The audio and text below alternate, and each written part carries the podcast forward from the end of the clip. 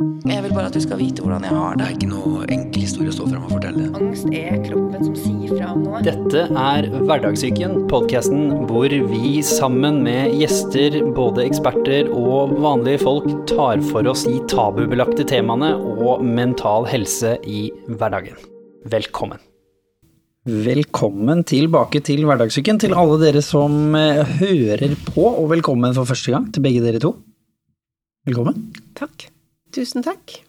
Og i dag så skal vi jo snakke litt sånn da i, i dybden om rett og slett Hva skal vi snakke om? Mental helse under graviditet og etter fødsel. Mm. Som sånn sett eh, kanskje ikke har vært snakket så mye om.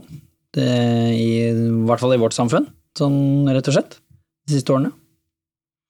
Så da skal vi jo selvfølgelig finne ut av hvem i all verden har vi med oss da, for å snakke om, eh, for, om det. Så hvem er du? Ja, jeg heter Katarina Wang. eh, Jobber som professor og psykologspesialist ved Universitetet i Tromsø. Det har jeg gjort i mange år. Mm. Forsket på depresjon i mange, mange år. Også psykisk helse eh, hos barn og unge. Forebygging, lavterskeltilbud. Og de siste ja, snart ti årene så har jeg vært veldig opptatt av eh, psykisk helse i forbindelse med svangerskap og fødsel. Og i tiden etterpå. Fordi det er en veldig viktig tid både for familiedannelse og for barnet. Sånn at der kan vi gjøre veldig mye godt arbeid hvis vi kommer inn tidlig. Og du? Du, hvem er du? Jeg heter Lena Yri Engelsen. Jeg er nå blitt 45 år. Har to barn, fem og ni. Kommer fra Bergen. Um, bodd store deler av livet mitt i utlandet. Um, ja, og så erfarte jeg med andremann da en fødselsdepresjon. Um, så startet jeg en landsforening som heter Landsforeningen 1001 dager. Som er den første ever i Norge, og det er vi ganske stolte av. Absolutt. Og ikke minst, vi liker jo å bli litt sånn kjent med fagfolkene våre til liksom fordi det er jo du som representerer den personlige historien her, så du representerer liksom fagkompetanse, men vi liker jo å høre litt sånn hvem hvem var du før dette, og hvorfor ønsket du å studere psykologi? Fordi det er jo alltid litt spennende. Hvorfor havna du der hvor du er nå, rett og slett? Ja, jeg har gjort veldig mange andre ting først. Jeg har utdanna hesteinstruktør, eller rideinstruktør, heter ikke hesteinstruktør, rideinstruktør, gått på landbruksskole, jobbet med barn og unge, studerte filosofi.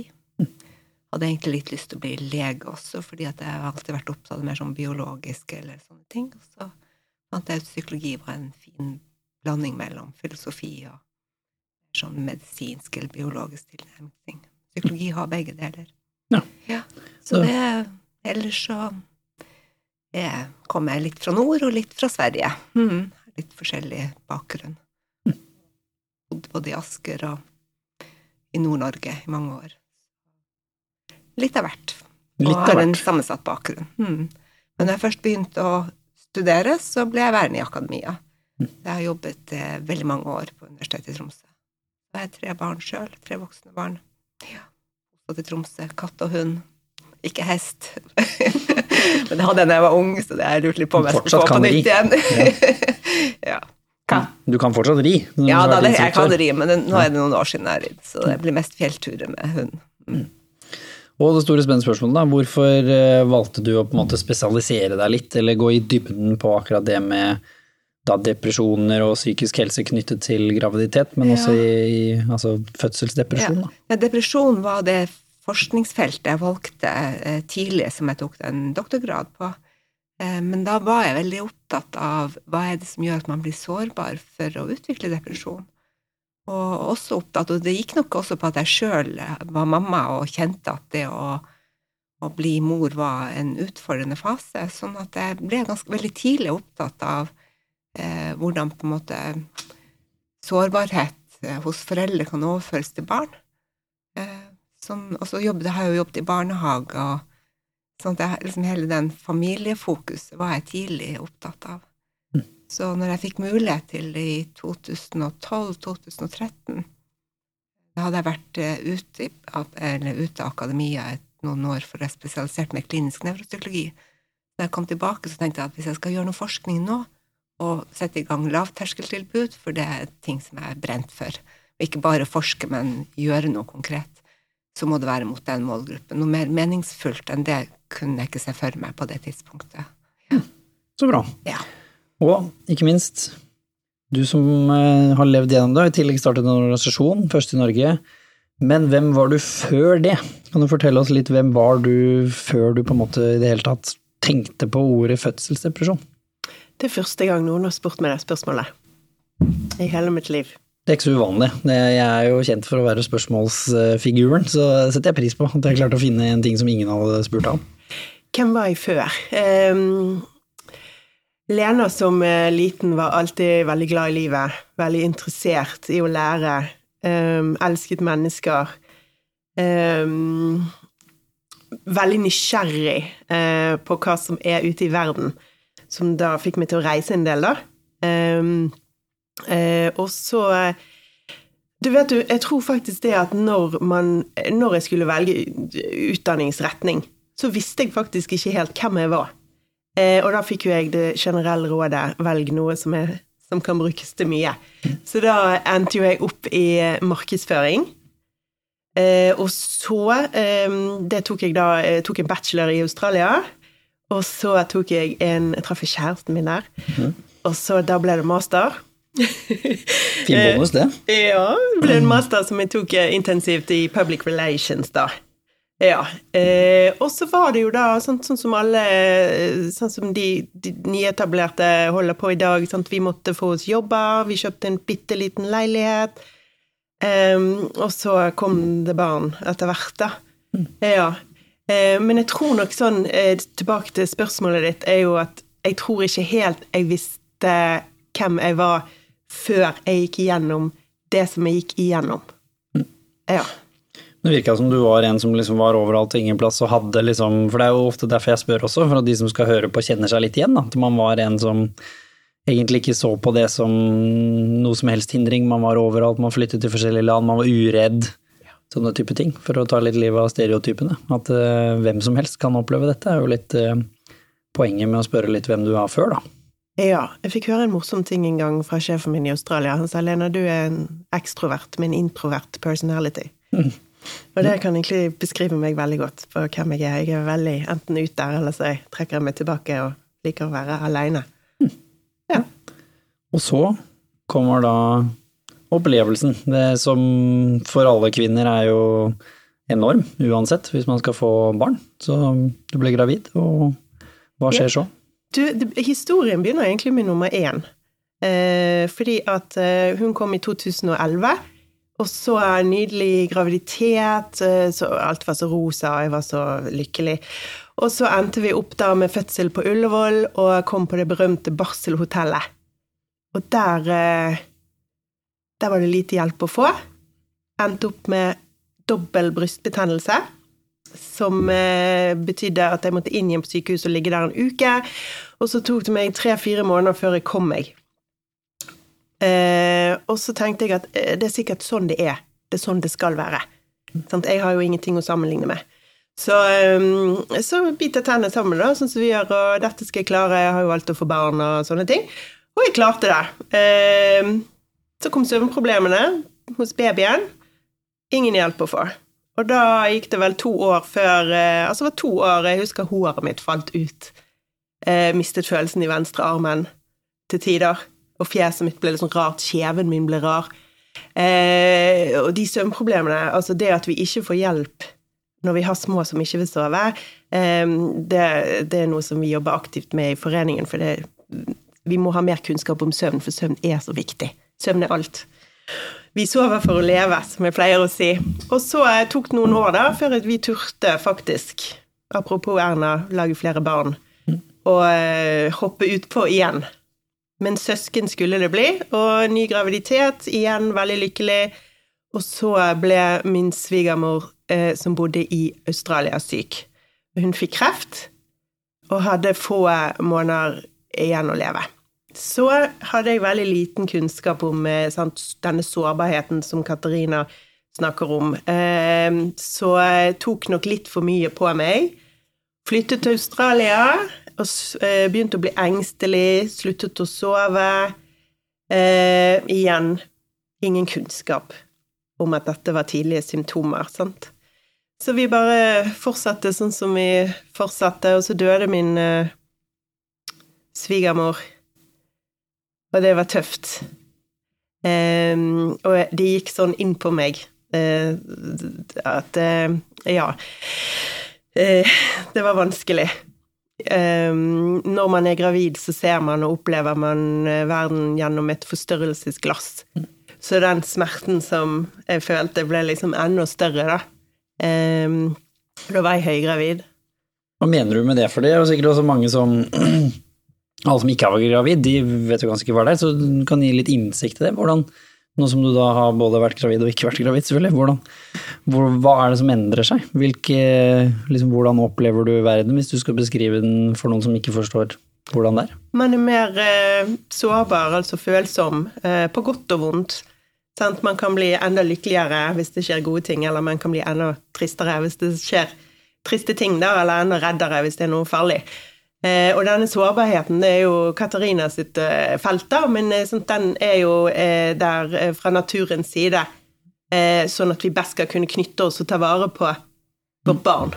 Ja, hun skal få lov å kommentere litt på det, men hvis du beskriver da liksom, hvordan, hvordan er det fra et vanlig menneskes hode, på en måte, som ikke nødvendigvis bruker flotte faguttrykker, så mm, hvordan var det for deg i hverdagen? Hvilke eksempler, i tillegg til denne sorgen, men du nevnte jo positive ting òg, hvilke eksempler har du på mindre positive ting, da, som kanskje vanligvis hadde vært sånn, ja, det var hyggelig, men hvor du, når man er gravid, blir man sånn ekstra lykkelig i det, eksempel? Ok.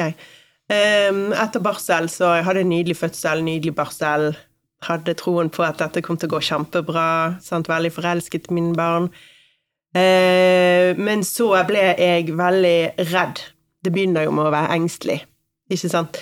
Og så ble jeg redd. Og så ble jeg unormalt redd for ting som jeg vanligvis ikke ville vært redd for. Jeg fikk eh, Jeg turte ikke å kjøre bil med barnet mitt. Eh, jeg ville ikke være alene hjemme. Jeg synes eh, at eh, all, sant, hva, maten jeg spiste, kunne ha uheldige ting i seg.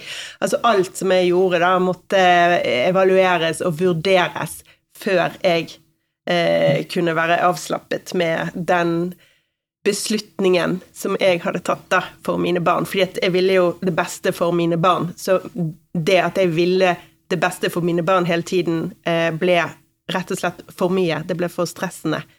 Hva var det du var redd for skulle skje? I liksom worst case scenario inni hodet sitt når man er engstelig og har litt angstsymptomer, så er det jo Worst case scenario blir jo veldig stort. Ja, da er det noe som heter Vi kaller det for våkne mareritt. Eh, og det er eh, ikke uvanlig, det er svært vanlig. Eh, og eh, man tenker at eh, nå mister jeg vognen, og så triller vognen ut i veien, og så kommer det en bil og kjører over den.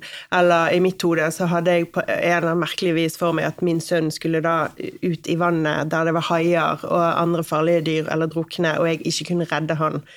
Eller at det skulle komme en slange inn om natten, noe som ikke er så usannsynlig i Australia. Så generelt sett at mine barn var tryggest hos meg. Og jeg skulle gjøre alt jeg kunne i min makt for å beskytte dem, men det var det som eh, ble for mye for meg, så mitt system ble på en måte overtent. Eh, ja. Hvis du skal kommentere litt fra siden, liksom, hva er det som egentlig foregår her, det hun beskriver? Hvilke mekanismer er det som, som skjer, fra et fagperspektiv? Ja. Eh, akkurat når det gjelder graviditet, og, og når man har blitt nybakt mamma, og pappa også i seg, men eh, mammaen har nok mer, har jo mer hormoner også naturlig på grunn av, svangerskapet og alt som foregår i kroppen. Det er nok eh, Biologien er skapt slik at vi eh, på en måte skal, skal bar, Mamma skal ivareta barnet. Sånn at eh, det, det ligger nok noe evolusjonsmessig her som gjør at man eh, blir mer sensitiv. Eh, litt, og, som kan kanskje beskrives i litt mer sånn angstsymptomer, mer engstelse. Noen mener jo også at kvinner faktisk blir litt mer nedstemt fordi at det reduserer deres aktivitet, som gjør at de holder seg mer til hjemme, og, og det vil også beskytte barnet fra, for infeksjoner og sånn. Sånn at, at vi er nok som eh, altså det, vi, er, vi er jo dyr, vi også, og kroppen vår er på en måte laga slik at, at, vi best mulig skal ivareta avkommet. Og da, da, kan dette med å ha litt sånne symptomer på angst og depresjon som antagelig kommer fra mer sånn biologiske ting, eh, øke da, for, fordi at det faktisk ivaretar barnet. Og det som Lena beskriver, er jo en ganske sånn stor grad av bekymring. Og bekymring er jo ofte det vi eh, er jo et symptom på angst. Eh, men bekymring er jo også hensiktsmessig. Det handler bare om hvor mye. Mm. Det er jo hensiktsmessig at man blir bekymret som mamma, for du skal jo passe på barnet ditt. Men så er det jo hvis det blir for mye av det. Eh, og det er jo det vi ser ved angst generelt sett, ikke sant? at det, det har gått litt, går litt over stokk og stein. Så jeg syns det var et godt uttrykk som ikke jeg har hørt før, men våkne mareritt. Og det kan vi kanskje alle kjenne igjen. For eksempel, jeg kom fra Tromsø med fly i dag, og når jeg hadde små barn Jeg har aldri vært redd for fly, og jeg er egentlig ikke blitt jeg er ikke så redd for det nå heller, men når barna mine var små, så var jeg redd for fly. Da hadde jeg våkne mareritt. Og jeg har hørt andre foreldre si det samme.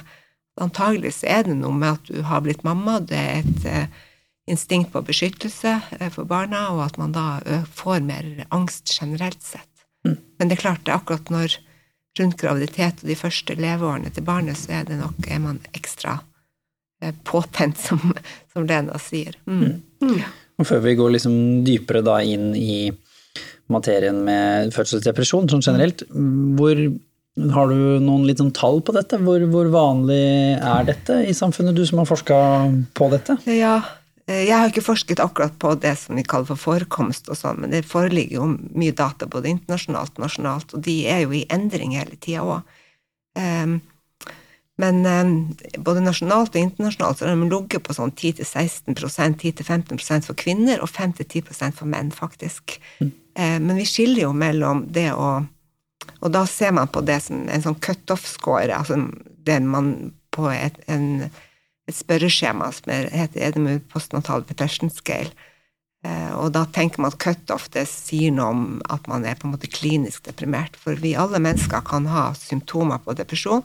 Så det handler liksom om hvor mye det er, eh, og om det er kommet til et punkt hvor man på en måte trenger hjelp. da. Eh, samtidig så vil ikke den altså Det er ikke 15-16% som har en behandlingstrengende depresjon, men at det da begynner å bli så mye at, at man virkelig strever. Går utover livskvaliteten, ja, rett og slett? Ja. Mm. Og, og, dette her eh, vet man jo er i endring, eh, og, og, det er endring nok på grunn av det moderne samfunn. Det er en del ting som beskyttende faktorer som er falt litt bort i vårt mm. samfunn. Hva da? Sosial støtte. Eh, mange eh, småbarnsfamilier lever uten, langt fra familie og venner. Og det er en av de tingene man vet er veldig viktig for til eh, å ivareta den nye familien og mammaen og pappaen. At det er mennesker rundt og støtter opp og hjelper til. Og kanskje... det er mer fraværende enn i det moderne samfunnet. Mm. Det kan du kanskje du kommentere litt ekstra på, for du bodde jo i tillegg i Australia, og her dør jo moren til da mannen din, som selvfølgelig kanskje kunne hatt en sånn type rolle, og i tillegg så er jo din familie, går ut ifra, tilbake i Norge. Så hvordan følte du på det å stå veldig alene i dette uten denne støtten som du kanskje hadde hatt da, hvis du bodde ti minutter unna mer familie? da? Jo, men jeg er jo alene. Jeg er også alene inni hodet mitt, og det er jo aldri bra. Eh, for man pleier jo å prate med venninner eller kunne liksom få, få jobbet igjennom ting med andre, da. Så ja, jeg var veldig alene, og fokus var på han, min mann, som var i sorg, eh, som hadde mistet sin mor, som er aldeles fryktelig, og jeg hadde på en måte bare født et barn som var en lykkelig begivenhet. Men um, det var fryktelig ensomt. Ja, mm. og barselgrupper kunne jeg ikke gå i med minsten fordi at jeg var på et helt annet sted enn de andre mammaene. Jeg hadde nettopp eh, sett et menneske dø, og noen uker seinere født et barn i etasjen eh, under, var det vel. Ja. Um, og jeg var på et sted der jeg lurte på Vi blir født, og vi dør. Og hva finnes imellom? Hva er meningen med livet, og hva er min rolle her? Og det er store eksistensielle spørsmål som nødvendigvis ikke passer inn i en vanlig barselgruppe, der de vil snakke om babytøy og mm, amming og andre ting. Så mm, Katarina igjen er jo et godt eksempel på dette, som har startet egne grupper for, sårbare, for, for nedstemte mødre, da. Eh, og det er superbra. Eh, Jeg skal snakke litt mer om liksom, løsningene, holdt jeg på å si, eller alternativene. Men hvis du ser tilbake på denne perioden og skal beskrive det du mener kanskje er den tøffeste opplevelsen, som de som står i dette nå kan kjenne seg igjen i, hva var det tøffeste for deg i fødselsdepresjonen din? Det var mange ting. Altså, mangel på kunnskap om psykisk helse det gjorde jo at jeg ikke at jeg kunne fått hjelp før. Og det må jo jeg nevne her i denne eh, podkasten, fordi at jeg fikk nemlig hjelp med en gang når jeg skjønte på 40-årsdagen min og sto på stranden og skulle feire dagen min med alle jeg var glad i, at jeg ikke ville at noen skulle komme og se for en dårlig mor jeg var. Og da skjønte jeg at her er det noe feil. Dette er ikke meg. Dette er ikke den Lena som jeg snakket om i sted, som elsker mennesker og liker å være sosial. Og, eh, så da fikk jeg hjelp med en gang. Dette er snakk om dager etterpå. Og da fikk jeg hjelp av en spesialist, som var spesialist i det som vi kaller for perinatal mental helse. Og da fikk ikke bare jeg gå, men også min mann. Eh, og det var starten på veien tilbake for oss. Men når jeg tenker på hva som var verst Jeg husker spesielt godt en kveld. Eh, du har fight, som du skjønner. Og vi kranglet hjemme. Det gjorde vi fordi at plutselig eh, er jo den connection som jeg og min mann har, bestevenner og alltid forstår hverandre, til å plutselig ikke forstå hverandre. Det var vanskelig å ha baby hjemme og en, en fireåring. Det var ille. Og så var det flight. Det var når jeg sa nå, nå må jeg bare ut herfra. Nå tar du barna. Og så tok jeg bilnøkler og løp ut og kjørte til et sted og så opp på stjernene. Eh, og så var det på et tidspunkt der jeg husker at jeg sto jeg sto ute i hagen, og så husker jeg at jeg lukket øynene, og når jeg lukket øynene, så føltes det som jeg det føltes som jeg falt. Jeg hadde mistet fotfestet, rett og slett. Jeg hadde mistet den eh, connection som jeg hadde med meg sjøl og med andre og med jorden og med verden generelt. Det flyter rundt i ingenting. Og det synes jeg var veldig skremmende. Men det var jo ikke sånn hele tiden. Det var bare øyeblikk innimellom. Hva var det du så når du så i speilet, da, på det verste, som er sånn klassisk innenfor depresjon, at man, man ser jo kanskje noe annet enn det verden ser også. Hva var det du så i speilet her? Jeg kjente meg sjøl ikke igjen. Jeg visste ikke hvordan jeg kom til å reagere. Altså, nå var jo jeg en voksen mamma, 40 år. Eh, jeg var ganske sikker på hvordan jeg reagerte i situasjoner før, men nå visste jeg ikke, og det synes jeg var skremmende. Det var mye sinne. Sinne rettet mot voksne, ikke mot barna mine. Og jeg skjelte ut hele svigerfamilien min. Og det kaller vi for postpartum rage.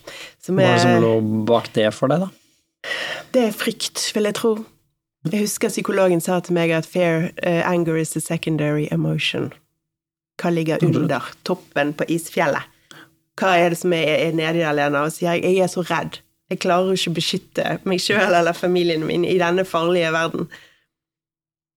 Så hva var det liksom som drev det den gangen? For de som hører på nå, de skjønner jo ikke at det har liksom ikke kommet like langt da, til å kanskje skjønne at det er noe under det. Men hva var det som var logikken bak at du skjelte de ut, f.eks., som er jo et godt eksempel på noe som er vanlig den gangen for deg, da, før du skjønte at det er frykten som dette kommer fra? Ja, det var også litt frustrasjon for at de ikke klarte å møte meg der som jeg var.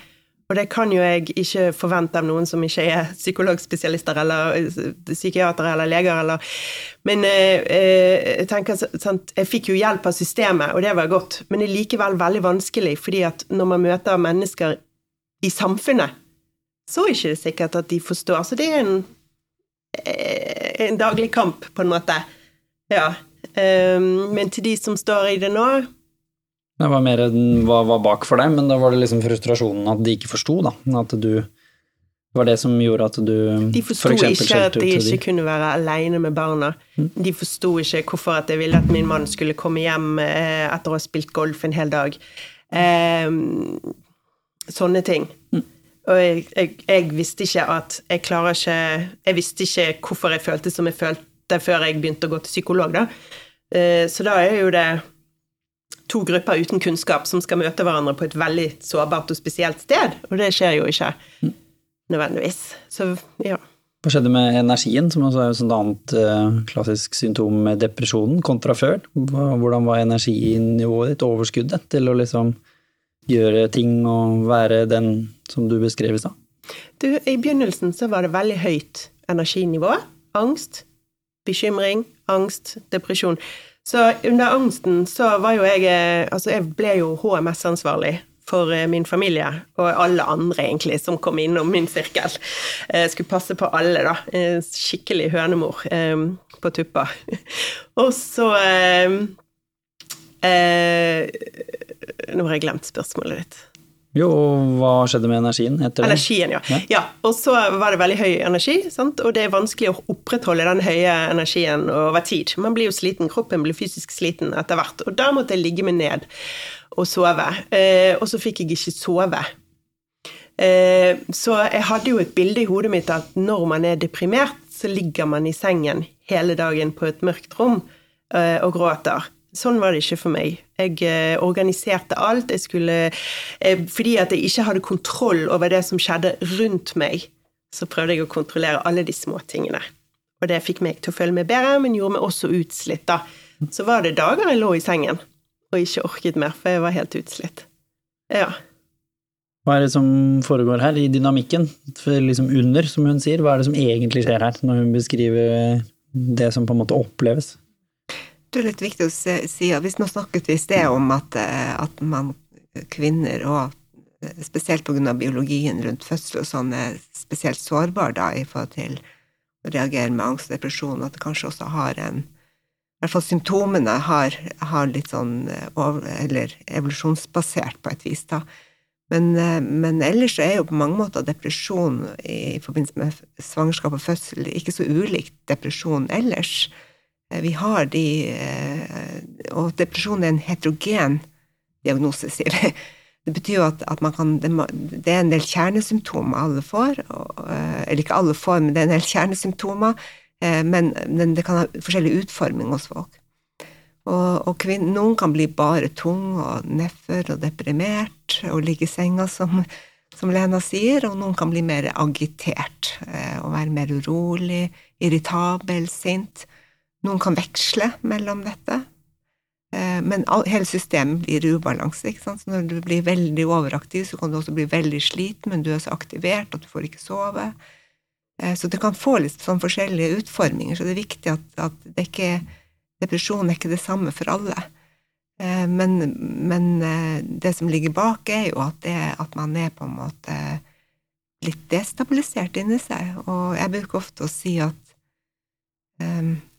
hvis du har nok påkjenninger i livet ditt, eh, som Lena beskriver her, med å være høygravid, med å reise, en svigermor som dør, altså masse, masse belastninger, eh, og også da sårbar i forhold til at hun går gjennom en graviditet og det hormonelle og alt dette som skjer, så, så blir på en måte eh, utfordringene større enn hva man har av mestringsressurser, og så blir man destabilisert. Og det gjelder jo altså det, det gjelder oss alle i perioder.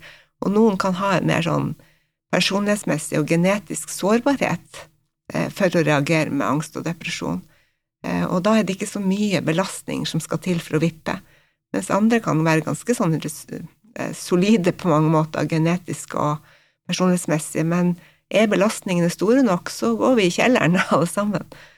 Og så har vi litt forskjellige reaksjonsmønster. Altså depresjon noen kan bli bare deprimert, noen kan få det vi kaller mer bipolar, at man kan veksle mellom mer sånn mani og depresjon. Um, så, og noen kan ha mye angst. Altså, man skiller mellom angst og depresjon. Noen mener at det bør man ikke gjøre, fordi at veldig mange av de som er deprimert, får også mer sånn det vi kaller mer generalisert angst. Så bekymring og grubling liksom går hånd i hånd.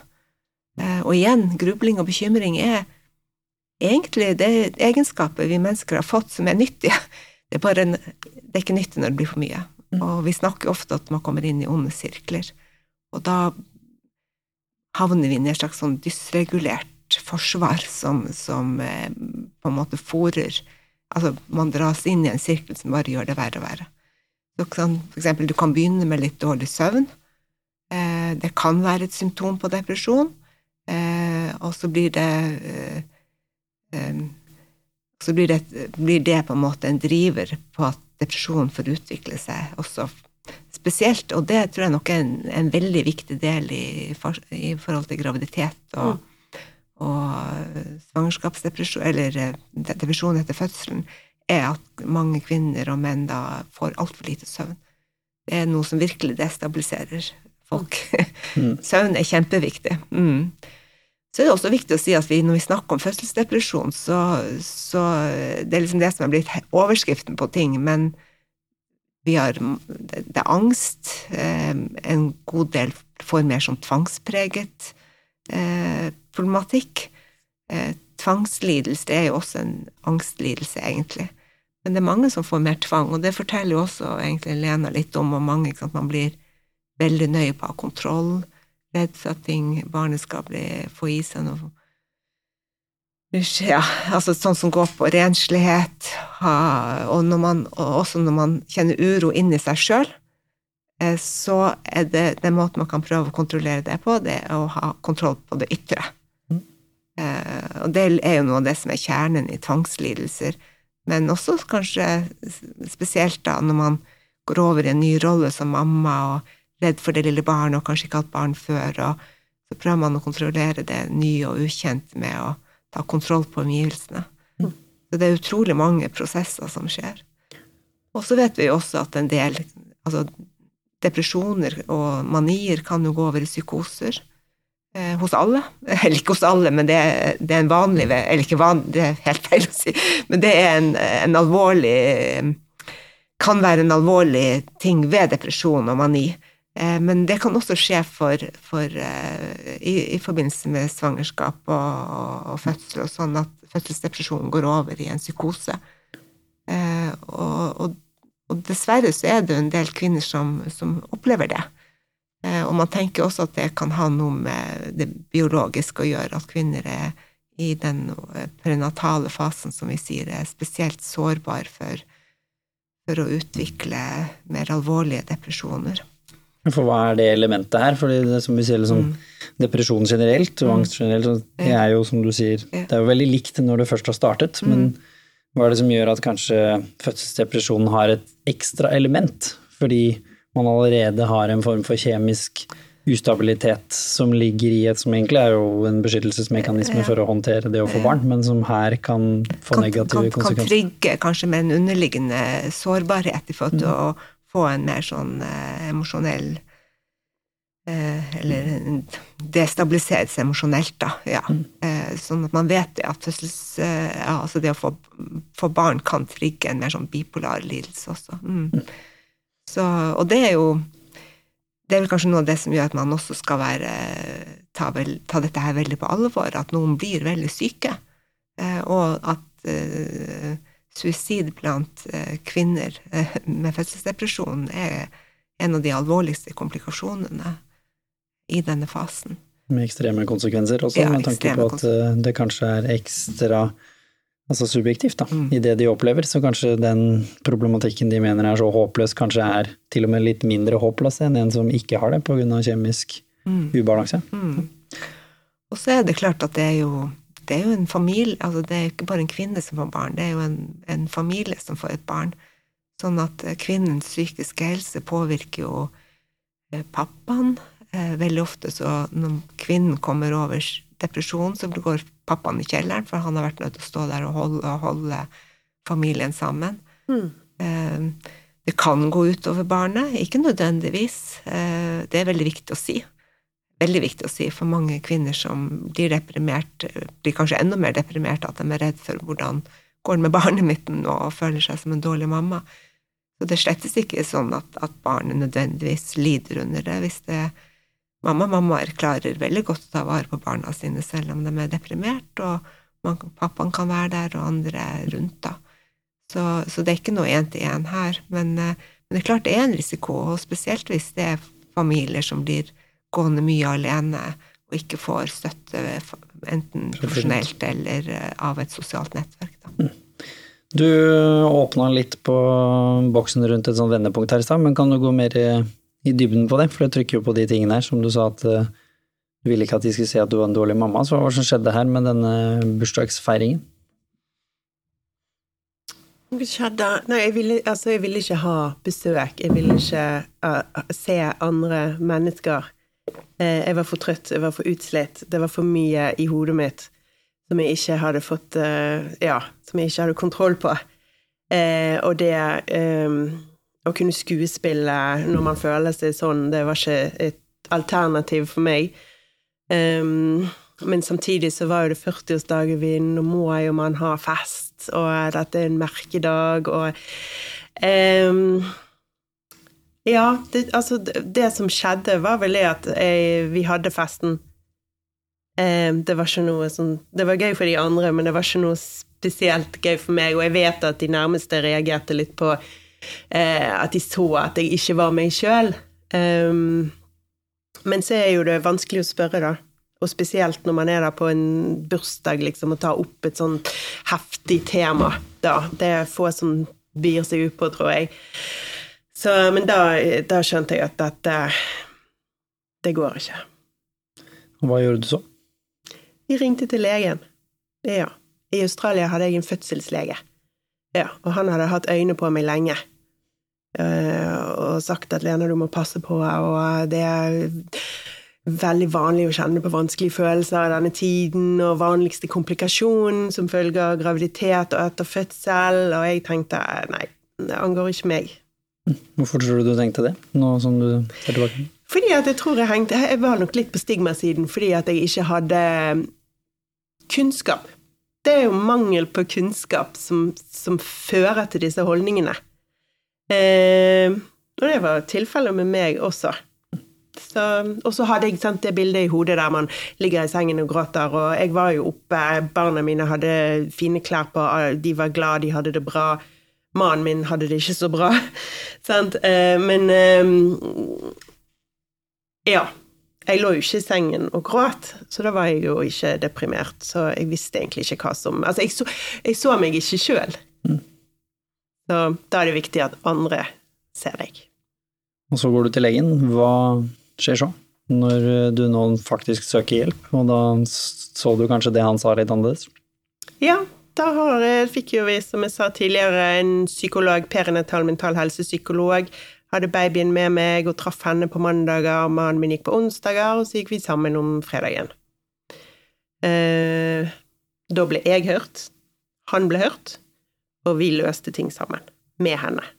Hun var jo spesialist på dette, og hun kunne noe om amming, hun kunne noe om barnets utvikling, om søvn, om parterapi, om psykologi. Alle disse tingene var jo hun eh, spesialist på, så, så hun var vant til å treffe mammaer som meg.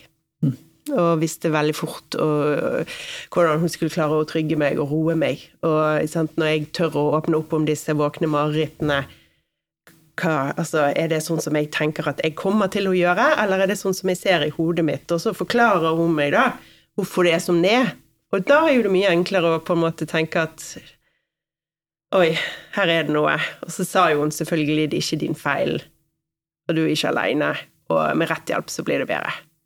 For du trodde fortsatt at dette var din feil, og at det var noe som du måtte deale med aleine? Ja. Ja, det var jo min feil. Og det er derfor jeg er verdens verste mor, og jeg hadde fått meg inn i denne situasjonen. Det var mine valg som hadde fått meg her. Eh, jeg må stå inne for egne valg, jeg må ta meg sammen. Alle de vanlige depresjons... Sånt. Mm. Sånn som man snakker til seg sjøl. Um, nå ser jeg helt annerledes på det. Mm. Og så kom du gjennom dette. Hvis du ser tilbake på det nå, hva, hva, var de viktigste tingene i denne terapien som var viktig, i tillegg til det du har nevnt nå? Du, det var eh, eh, Systemet i Australia holdt hender rundt oss vil jeg si. Og det som skjedde, var jo at vi hadde god kontakt med legen. Han kjente oss, han visste til vår historie. Han hadde fulgt oss siden vi kom til Australia. Eh, jeg hadde en jordmor som eh, jeg snakket ofte med. Jeg hadde en helsesykepleier som også kjente til historien vår. Når babyen ikke ville sove, så ble vi sendt på søvnskole for å lære enkle, kjappe triks eh, for å få dem til å sove istedenfor 20 minutter til 90 minutter. Um, og alle disse tingene kombinert, og det at vi fikk gå i samtale i terapi, alle disse tingene kombinert hjalp. Samlet. Men det måtte være en helhet der. Og så fortalte jo vi familien da at, eh, at jeg hadde fått fødselsdepresjon. Og da endret jo de også seg i forhold til hvordan de møtte meg. De visste fremdeles ikke hvordan de skulle møte meg, men de var mer forsiktige. Ja og avlastet mer. Så kombinert ble jo dette vår løsning. Ja. Og så kommer du tilbake til Norge Ja. og ser at eh, det var kanskje ikke sånn her. Nei. Da gikk jeg på helsestasjonen og skulle skrive minsten inn. Og så, spurt, så fortalte jeg jeg har hatt fødselsdepresjon, jeg har fått god hjelp, jeg føler meg bedre. Fremdeles noen dager som er litt tunge, men alt i alt så går det greit. Um, og spurte hvor går jeg hvis det kommer tilbake. For det hadde jo på en måte kommet så snikende gradvis. eh, Det var, det var ikke sånn at jeg var frisk en dag og syk neste. Så um, spurte jeg hvilken nettside går jeg på, hvem kan jeg snakke med da? Og da fortalte hun at Lena, vi har ingenting sånt her i vår bydel. Hvis du blir syk nok, så skal du få hjelp. Hva tenkte du da? Da kjente jeg noe inni meg som eh, våknet til liv, og eh, sa til henne at eh, det skal vi endre på. Vi skal lage en landsforening, vi skal få opp en hjelpetelefon. Jeg hadde en lang liste over ting som bare falt ut. Og egentlig det jeg gjorde, var jo bare å repetere alt det som hadde skjedd med meg i Australia. Det var ikke sånn at jeg kom på alt sjøl der. Eh, men jeg, dette pleier jeg å si at da så hun på meg, eh, Jimmy, og jeg tror at hun tenkte at du er ikke frisk ennå. eh, men her sitter jeg. Ja, fordi hva var eh, situasjonen? Har for så vidt fortsatt litt her, da, men eh, hvis vi liksom skal holde oss kronologisk her. Hva var situasjonen i Norge rundt dette? Både i form av kompetanse og potensielt system for alle de. Det, det, det er jo veldig mange. Nå snakker om sånn 10-15% Det er ikke noe raritet da. Da vil jo enhver lege som håndterer gravide kvinner møte på opptil flere i hver måned. Dette virker jo veldig snodig. Hva, hva var situasjonen? Ja, jeg vil bare si at både den var og er. for Den eneste forskjellen er kanskje at man har fått mer oppmerksomhet på det, men systemet er jo ikke bygget spesielt mer ut siden da.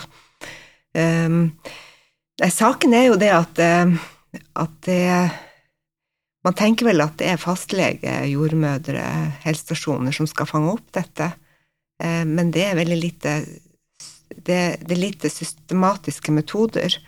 Og det er, selv om det er nasjonale anbefalinger som på en måte viser til at det er dem som skal gjøre det, så er ikke det like lett å fange opp disse, kvinnene. Og de går også mellom fra jordmødre, fastleger, sykehus, tilbake til helsesykepleiere. Eh, sånn at det å, å på en måte Nå er det jo en del kommuner som har innført et sånt screeningsystem, da, men det er ikke en eh, nasjonal anbefaling. Eh, sånn at så det, en del kvinner blir screenet på det, og noen gjør det før fødsel, noen gjør det etter. Mens dette her kan jo forandre seg. Eh, man kan være deprimert i graviditet, men ikke etterpå. Man kan være helt, ha det kjempebra i graviditeten og bli deprimert etterpå. Eh, og det skjer fort, eh, og veldig mange kvinner skammer seg. Og mange kvinner skjønner ikke sjøl at de er deprimert. Det er ikke så lett å gå og si 'hallo, du, jeg er blitt deprimert', fordi det skjer så mange ting inni en knyttet også til det å få barn. Så man vet Kanskje egentlig ikke nødvendigvis førstepri engang? Nei, man vet, man vet egentlig ikke hva som foregår. Og, og som Lena sier, sant, en depresjon jeg tror til, Selv om vi har mye opplysning på symptomer nå, så er det sånn at, at mange sånne psykiske ting tror man at det er bare sånn jeg er. Man tenker ikke at jeg er blitt syk. Man tror at jeg er en dårlig mor, eller eh, verden er fæl, eller fremtiden er håpløs. Eller, sant? Det, det å koble det til at man på en måte har blitt syk, da. For når man har blitt klinisk deprimert, så er man over en fase hvor man faktisk er syk. Ja. Så, så det, det er vanskelig for, å komme og fortelle det. Og så er det en stor utfordring at det, selv om man nå skulle avdekke det, så er det veldig lite tiltak, dessverre. Eh, er, vi vet at det er lange køer inn i spesialisthelsetjenesten, det er for lite kommunepsykologer. eh, Sånn at det er ikke så lett å, å få hjelp, og da er det også veldig vanskelig for de som skal avdekke depresjon, og si ok, du, nå har vi oppdaget at du er deprimert, men dessverre, vi har ikke noe å tilby deg. Eh, og det og vi tenker jo at det her gjelder jo veldig mange mennesker, ikke bare de som er sliter med depresjon i, i denne fasen, men vi tenker at i denne fasen er det spesielt viktig å få hjelp. Vi har ingen tid å vente, miste. Eh, Og det går fordi at det, det er en overgangsfase, det er en fase hvor det er noen som skal bli foreldre, eh, som, hvor ting ikke bør skjære seg mellom dem, og det gjør det gjerne hvis det er mye psykiske utfordringer og en tid hvor man skal på en måte danne en familie. For hva er langtidskonsekvensene? Potensielle, selvfølgelig, som du sier skjer jo ikke alle, men hva kan liksom de dramatiske tingene være? Du nevnte selvmord i stad, det sier seg jo selv er det ultimate, men hvilke andre Ja, det voldsomme ja. langtidseffekter er det som kan skje? Nei, altså ikke, ikke for å dramatisere det, men man vet jo at de første to leveårene til barnet er kjempeviktige i forhold til eh, at det skjer veldig mye sånn nevrologisk oppkobling av nervesystemet i hjernen. og Det er en veldig viktig eh, utviklingsfase for barnet. Og, og da er det viktig å ha foreldre som er påkoblet og har det bra i lag, og som ikke slåss og, og, eller ligger i sengen hele tida. Så, så mm, det er viktig at det er foreldre som fungerer optimalt i denne fasen. Og så er det også at eh, et par skal bli til eh, foreldre. Eh, og hvis man har barn fra før av, så, så er det jo også andre barn som, som vil kunne lide under av at mamma eller pappa blir deprimert. Så, og det kan jo igjen gjøre noe med parforholdet, så de kan, det kan bli skilsmisser, vold mot barna, vold mellom partene, utroskap, ikke sant. Så, så vi har veldig mye Altså det å komme inn her og vil kunne også forebygge eh, psykisk helseproblematikk på sikt. Og forebygge at familier går i stykker, og forebygge vold. Så det Vi har alt og Vi kan alt å vinne på å på en måte satse på å gå inn i denne målgruppen. Så er det noe Altså dette med helsestasjoner er, er faktisk veldig viktig. for Der har Norge en, en unik mulighet å komme inn, avdekke og hjelpe tidlig. Så, så det å ruste opp helsestasjonene og få en god tiltakskjede i forhold til at, som Lena beskriver fra, fra Australia, eh, at eh, man kommer tidlig inn og har eh, kompetente fagpersoner som har spesialistkompetanse på denne fasen. For det er jo noe vi opplever spesielt problematisk i Norge, er at eh, det faller mellom barn og voksen. Eh, er det sykehus, kommune, spesialisthelsetjeneste? Så, så det er en målgruppe som, som flyter rundt og går fra det ene stedet til det andre, og så er det ingen samlet eh, innsats. Så man må tenke litt nytt her. Man kan ikke på en måte De kvinnene som kommer til voksenpsykiatrien for å få behandling for sin depresjon, f.eks., selv om barna skal eh, bli sett, så, så er det for dårlig samarbeid eh, med barnet, f.eks. Så, så voksne, de som jobber med, med psykisk helse for voksne, de, de har ikke noe å tilby for å få til et bedre samspill mellom foreldre og barn hvis det har blitt vanskelig pga. depresjon. Eh, Det er få plasser hvor, hvor mamma kan legges inn med barnet sitt.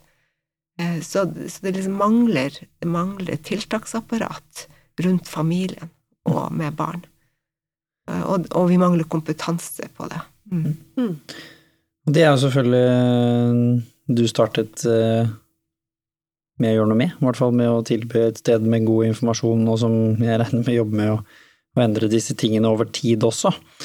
Men med all den kunnskapen du har nå, da, hvis du var i Norge i dag og ikke var lederen av, det, av organisasjonen, men visste at den eksisterte, hva hadde du gjort hvis du nå er der ute og er en av de som kjenner på dette og dessverre ikke kan flytte til Australia? Da? Hva, hva hadde du gjort i vårt samfunn i dag? Forhåpentligvis hadde jeg fått eh, en eh, babyboks hos Apotek 1, som hadde en flyer som eh, hadde informasjon om Landsforeningen. Så hadde jeg gått inn der og lest meg opp og ja, eh, fulgt på Instagram eller Facebook og lest kanskje noen av de andre historiene, for det er mange historier som vi deler. Sett om jeg hadde kjent meg igjen, da, og så gått til fastlegen eller den av de i Helse-Norge som jeg følte at jeg hadde best kontakt med og stolte mest på. Um, ja, om jeg hadde blitt så syk at jeg måtte eh, Eller om jeg hadde blitt henvist til DPS, så hadde jeg stått i kø ganske lenge. Eh, ikke nødvendigvis møtt en eh, psykolog med rett kompetanse.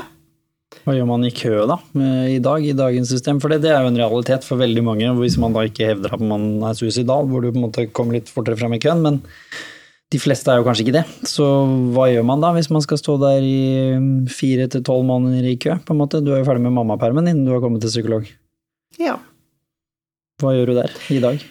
Jeg snakker med mange mammaer som er i denne situasjonen, og vi prøver jo å støtte de i Landsforeningen etter beste evne, men vi er jo egentlig bare en informasjons, eh, altså basert, eh, et informasjonsbasert tilbud. Men eh, en av de første tingene som vi sier, er gå og få sykemelding, sånn at pappa kan være hjemme, eller partner. Tar over, Og tar over. Sånn at nummer én, at du ikke mister permisjon, og får støtte hjemme, for det er det du trenger når du trenger praktisk og emosjonell støtte, og da er kanskje partner eh, den som kan støtte best emosjonelt, da. Eller besteforeldre noe sånt, hvis de faktisk er der i vårt snodige samfunn, men som vi sier, det finnes jo fortsatt folk som der på bygda jeg kommer fra, f.eks., hvor, hvor det kanskje er et alternativ, da. Hvor man har litt eh, altså foreldre, besteforeldre til barnet. Som Absolutt. Før korona, så finn, eh, altså, vær med folk som gjør deg glad. Finn, finn hjelperne. Finn de som kan hjelpe deg og støtte deg emosjonelt og praktisk, og få, gi deg litt pusterom og, eh, og, sånne ting. Og så søk profesjonell hjelp og hvis du har økonomi, betal for det. Mm. Um, dessverre er det ikke så veldig mange med spesialkompetanse på dette feltet i Norge, så det er jo noe som vi jobber eh, politisk mot uh, hver eneste dag. Uh, fordi at nå har vi jobbet Vi startet i 2017, og nå har jeg snakket med så mange kvinner og menn eh, som har hatt det vanskelig, og eh, vi jobber fra gresset og opp, men vi må også jobbe fra toppen og ned. Eh, for det er jo helt utenkelig og uforståelig at noe som eh, en lidelse eller sykdom som kan behandles i denne tiden i et menneske sitt liv ikke, Og hvis behandlet tidlig går fortere over. Ja, Viktig å ta med. Ja. Og det, det, er noe som jeg ikke jeg, jeg, kommer aldri til å forstå det, og jeg sier det i møte med politikere hver gang vi møter dem, at jeg forstår hvem har ansvaret for denne gruppen, og hvorfor har vi ikke perinatal mental helse, altså mental helse under graviditet og etter fødsel. Forebygging begynner i magen. Eh, det første kapittel i boken om psykisk helse, og likevel så har det gått helt under radaren i Norge. Og du har til og med Nesten. sett at det funker veldig fint i et annet land. Så du har jo til og med sett svaret, holdt jeg på å si. ja, ikke bare der. Mange land. Mange land. Jeg tror nok det at eh, i de siste ti årene så har vel altså, fødsels, altså psykiske eh, eh, lidelser og, og, strev i denne tiden har jo alltid vært der, sikkert. Ja. Men eh, nå i de og, og, Katarina og fagmiljøet har jo jobbet med dette her i over kjempelenge og stått på og aldri blitt egentlig helt hørt. Eh, og det var jo nå som vi har brukerstemmen kombinert med forskningsstemmen og den kliniske stemmen, og de satt sammen. Da får vi resultater. Og det trenger kvinner og menn i Norge i dag, spesielt etter siste året. Det har vært ekstra tøft. Hvorfor er det altså Det virker som en av de kanskje viktigste tingene å ta tak i her. Mm. De som hører på nå, som, som, ikke nødvendigvis eh, rekker å få med seg en positiv endring i samfunnet, som vi håper kommer, selvfølgelig, mm. men det er viktig å ha denne støtten. Hvorfor er det så viktig å ha fra foreldre, besteforeldre, tanter, onkler, eh, samboer eller da kjæreste? Mm. Jeg er blitt litt opptatt av eh, Jeg har etter, etter hvert har jeg skjønt hvorfor mange kulturer har overgangsriter og ritualer. Mm. Eh, og det er fordi at når mennesker er i overganger i livet, så er de ekstra sårbare. Man man er i forandring, og da blir man også psykisk sårbare. Og derfor har mange kulturer eh, mange ritualer knyttet til det, til fødsel. Og spesielt med å komme inn som støttende sosialt nettverk og hjelpe noen kvinner må ligge i sengen og, og sånn. Og det er nettopp fordi man vet at de er sårbare. Altså om det er det riktige nødvendigvis å ligge i sengen, det er nå en sak, men, men, det at vi har bygd ned, på en måte Og så har, liksom, har vi hatt det i Norge har vi hatt det å ligge lenge på, eller ha noen dager på sykehuset for å, å få støtte fra jordmødre, komme i gang med amming og alt dette. Og så, så reduserer man det uten å bygge opp noe annet støtteapparat. Nå virker det jo nesten som om du må ta med deg ungen og begynne å forberede begynne å jobbe igjen, på en måte. Og helst så skal du jo gjerne Du skal jo nesten fø på vei ut fra jobb, Ja. virker det som noen ganger. Liksom, og det er jo normalt å føde, man er ikke syk, det er jo helt riktig, men, men man har glemt at man allikevel, og kroppen har gått gjennom en kjempestor eh, har gjort en kjempestor jobb. Det, Og det å føde i seg sjøl Mange eh, får jo, eller ikke mange, men en del får jo også skader. Det er, det er en eh, stor, stor prosess. Sånn at eh, så det, Og man vet jo at det som, man vet, man vet en god del om risikofaktorer og beskyttende faktorer for å utvikle fødselsdepresjon. Eh, Beskyttende faktor er jo at det er en god partnerstøtte, eh, sosialt nettverk, familie, alt dette som man også da ser i kulturer som er viktig for å støtte opp rundt. Det handler om avlastning, det handler om trygge, støtte, hjelpe, vise. Tenk på alle de eh, som aldri har hatt barn før. Kanskje ikke har så mange søsken. Eh, Før var det kanskje mer eh, nabokjerringer og besteforeldre og Altså community i gamle dager, ja. Ja, nettopp. Mm. Forventninger. Ja, forventninger, det er også kjempeviktig. vi, Det har jo skjedd en enorm endring i forventninger til å få barn. Jeg tror, tror kanskje ikke at man alltid syntes det var så spennende for barn før, mens nå er det liksom, i hvert fall i vår kultur, blitt veldig sånn eh, forventningspress rundt at man skal være lykkelig, og så man har kanskje møter altså, blir kanskje fortere fortvilt og lei seg hvis man ikke kjenner den store lykken eh, med en gang. Um, så det er, mange, det er mye som har endret seg kulturelt, da. Eh, Men man vet at beskyttende faktorer er dette med det sosiale, partnerstøtte. eh, Så vet man risikofaktorer er jo om man har vært deprimert før, f.eks. sliter med psykisk helse. eh, Forholdet til mor. Og Vi holder også på med en studie i, i Tromsø, eller det, det er et par studier i, i Norge også, men, men vi har en studie som heter God start for små i nord, hvor vi også faktisk har sett at dette med kvinner som har en tendens til å gruble mye, generelt sett har en tendens til det, de er også mer sårbare eh, for å utvikle depresjon og psykiske helseplager. Så man vet en god del om risikofaktorer, og, og hadde man spurt om det allerede i graviditet, så hadde man antagelig kunnet plukke ut de kvinnene og familiene som er sårbare. Så kunne man kjørt i gang med støttetiltak allerede da. Det virker som du gjorde det litt mer i Australia. Du sa jo at han legen var litt eh, Han så deg, sa du, litt sånn fra starten av. Ja, han visste jo det at når, altså, Første gang jeg traff han, så spurte han hvorfor har du kommet til Australia. Og du er jo høygravid, og hva har skjedd her? Ja. Så måtte jeg forklare at jo, jeg har svigermor som ligger oppe i tredje etasje, eh, og på kreftavdelingen.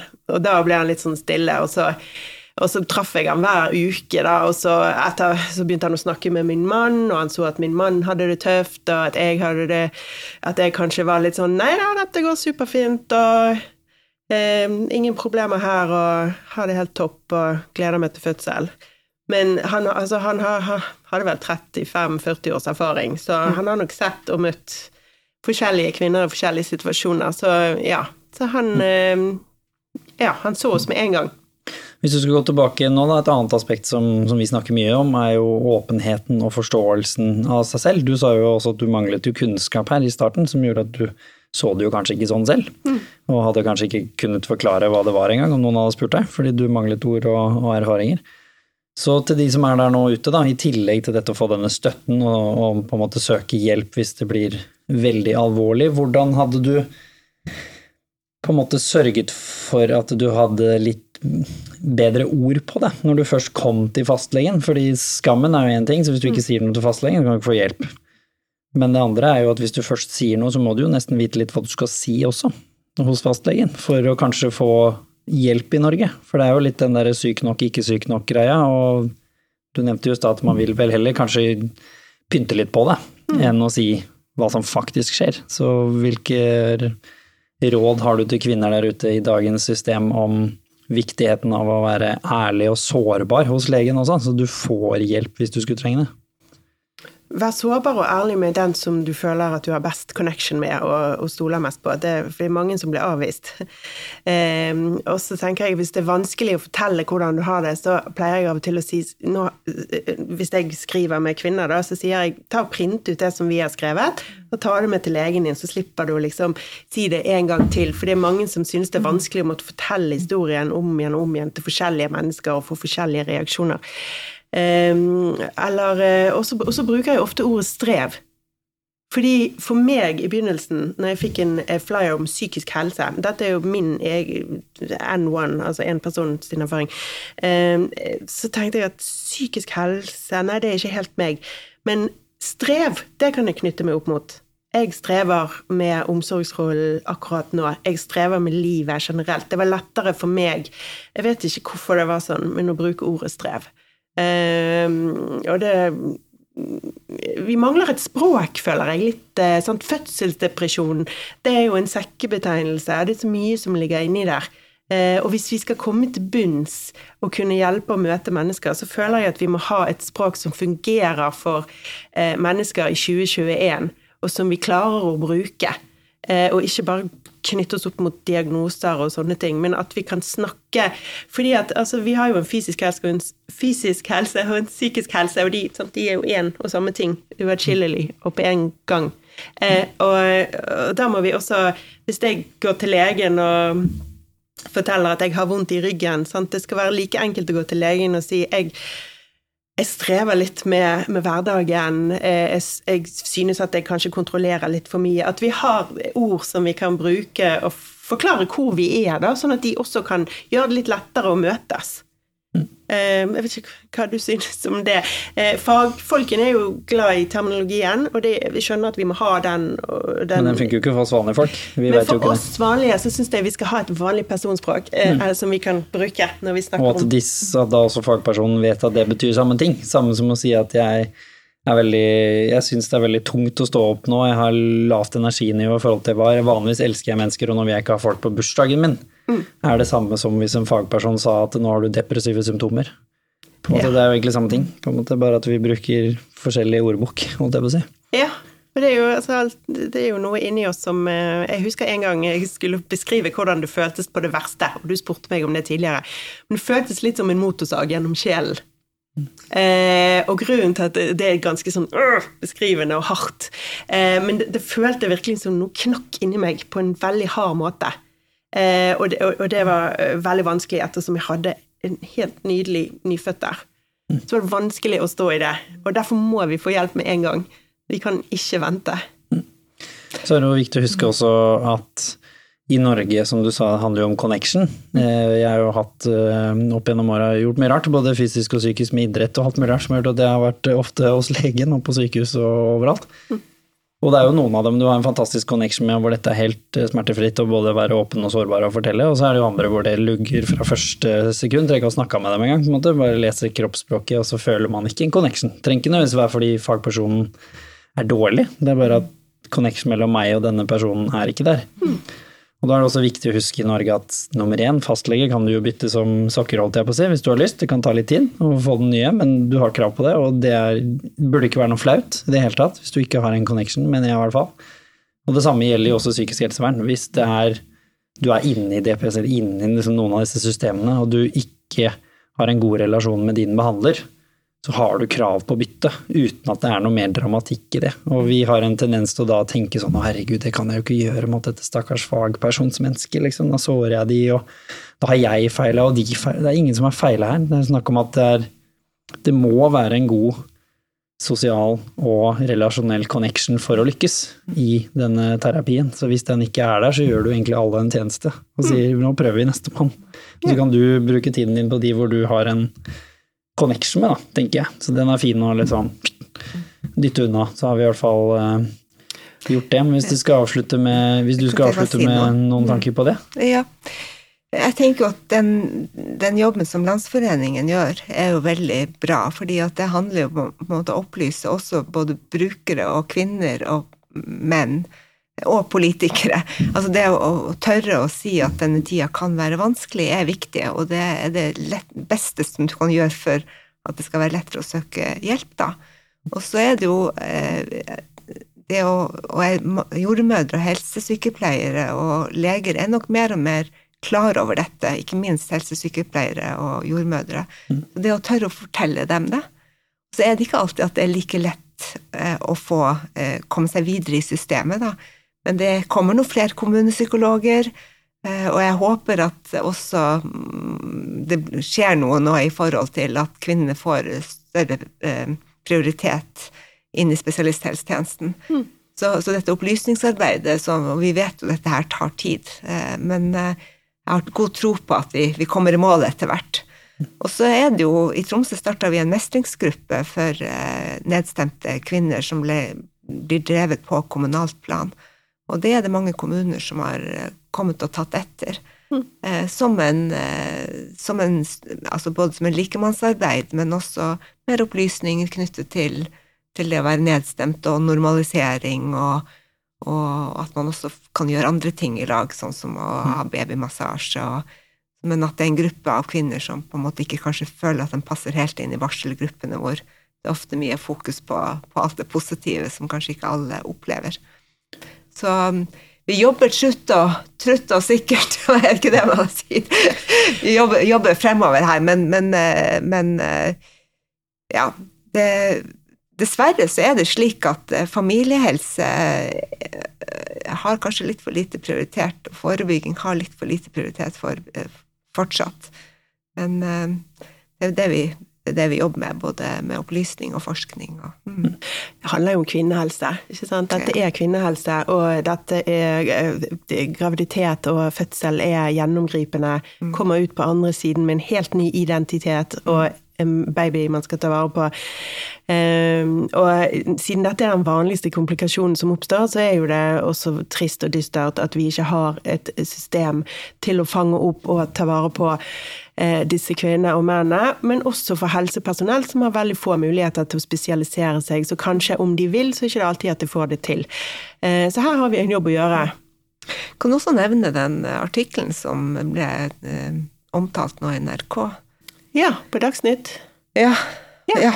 Eh, hvor, hvor, vi er fire, fire, forskere i Norge som har, har, på en måte skrevet og påpekt eh, utfordringene i Norge knytta til perinatal psykisk helse.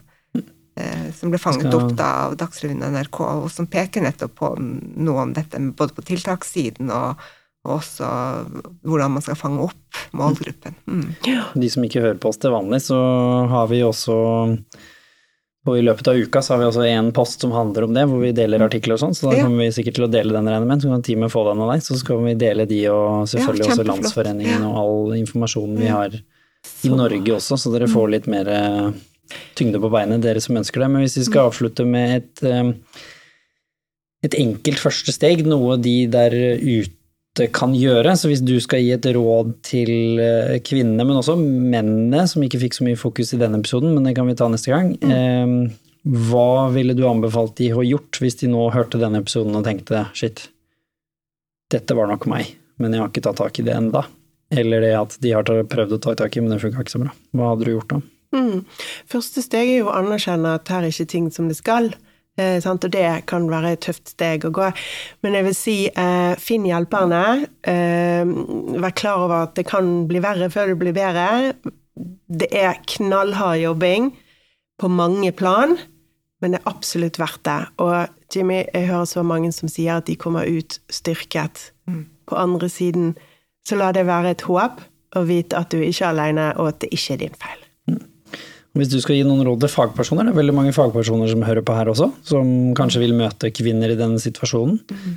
som ikke nødvendigvis putter ord på det selv, litt sånn som legen til Lena i Australia. Hva vil mm. du si til de fagpersonene som kanskje kan gjøre at de kan være hakket bedre støttefunksjoner?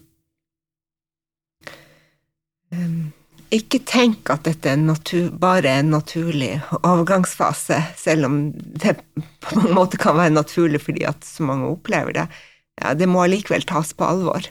Eh, og, eh, og, at det viktigste Altså, det er et kjempeviktig forebyggende arbeid eh, man gjør ved å ta nettopp ikke bare kvinnen, men familien og barnet på alvor når de strever i, i denne overgangsfasen. Eh, men det kan jo være utfordrende fordi det er lite tilbud der ute. Men ta det på alvor, og de som jobber med barn, må ta også foreldrene på alvor, og de som jobber med de voksne, må også huske på at det er barn der. Sånn at man ikke havner i en av disse to stolene. Mm. Se på familien som en helhet, Ja, rett og slett. og. At det er jo de sammen som skal komme seg gjennom dette her. Uansett hvem som står i det, så blir jo alle påvirket. Og de er en organisk enhet, familien.